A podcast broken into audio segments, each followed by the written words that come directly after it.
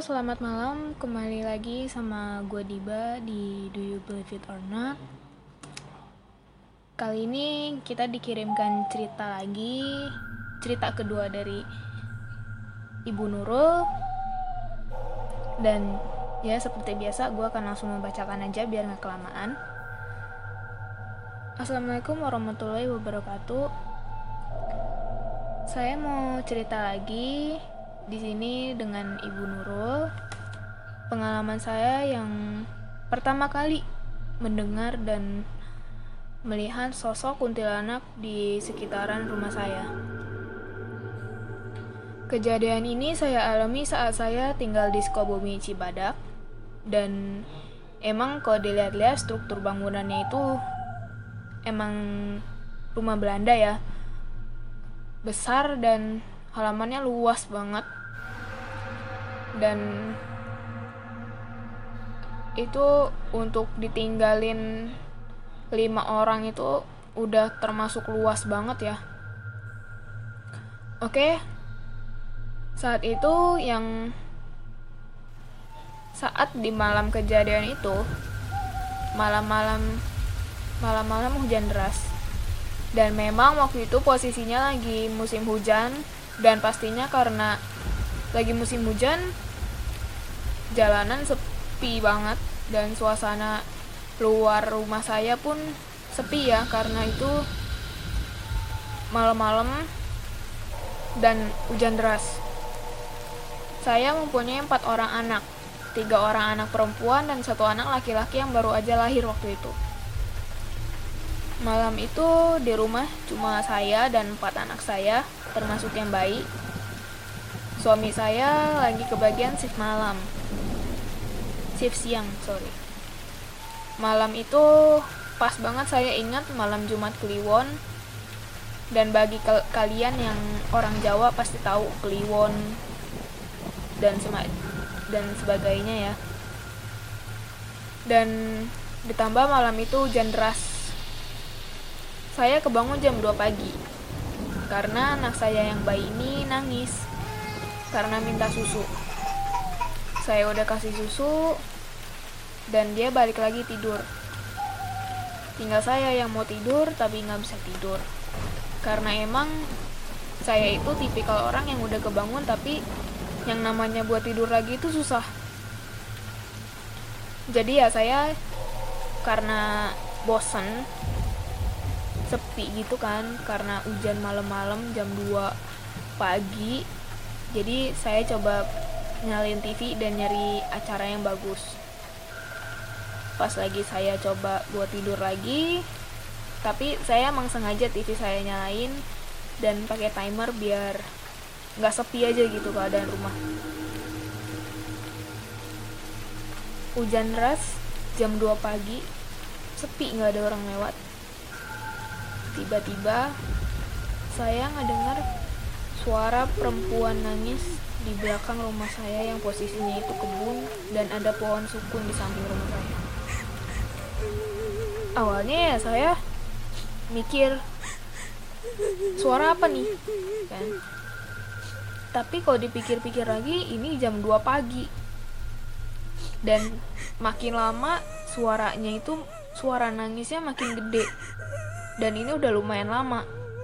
Karena keadaan saya makin lama makin takut ya saya narik selimut nutupin badan saya dan sambil berdoa istighfar.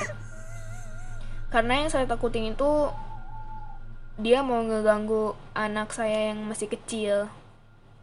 Dan akhirnya saya istighfar sampai saya ketiduran.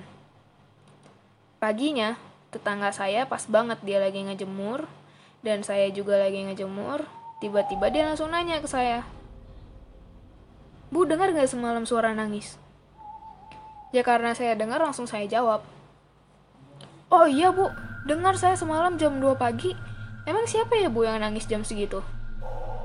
Tetangga saya jawab, katanya ada kuntil anak nangis karena pohon sukun yang di samping rumah saya itu mau ditebang.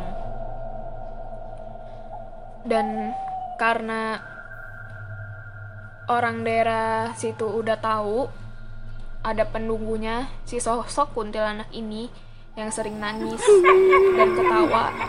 Akhirnya si pohon ini pun gak jadi ditebang karena yang ditakutin pas udah ditebang malah makin ngeganggu orang-orang sekitar.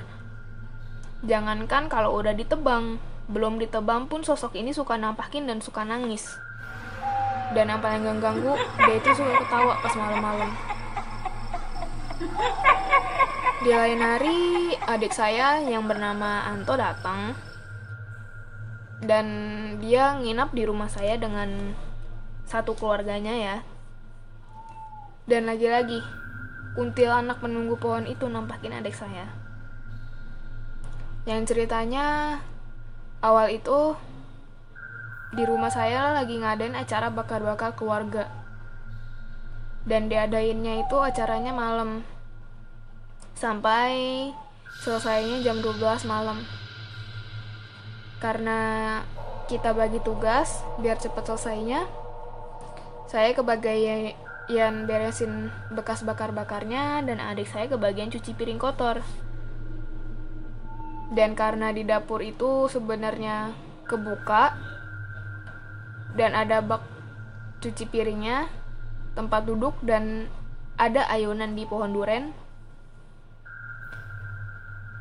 Jadi kalau malam-malam tuh ya agak serem sih karena belakangnya itu emang ada balong ikan, pohon-pohon gede semua dan ada kali.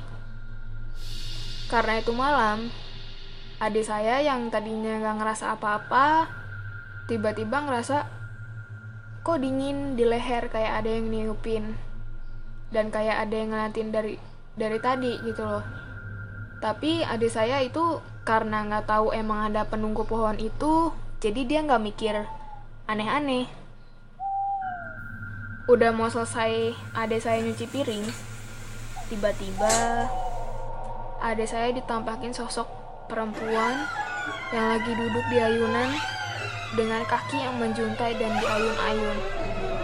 Dan rambutnya yang panjang nunduk sampai rambutnya itu nyentuh tanah. Dan yang dilihat adik saya itu bajunya agak dangkal kayak coklat tanah dan pucet banget. Adik saya yang tadinya udah mau selesai, dia jadi pergi ninggalin dapur itu dan jalan cepat dari belakang ke depan. Sontak ya saya tanya dong, kenapa?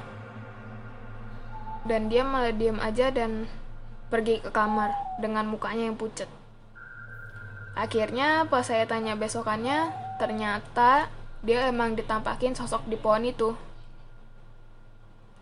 Jam mungkin segini dulu cerita dari saya. Nanti kalau ada kesempatan cerita lagi. Maaf juga kalau kurang serem dan kependekan. Terima kasih sudah mendengarkan. Selamat malam.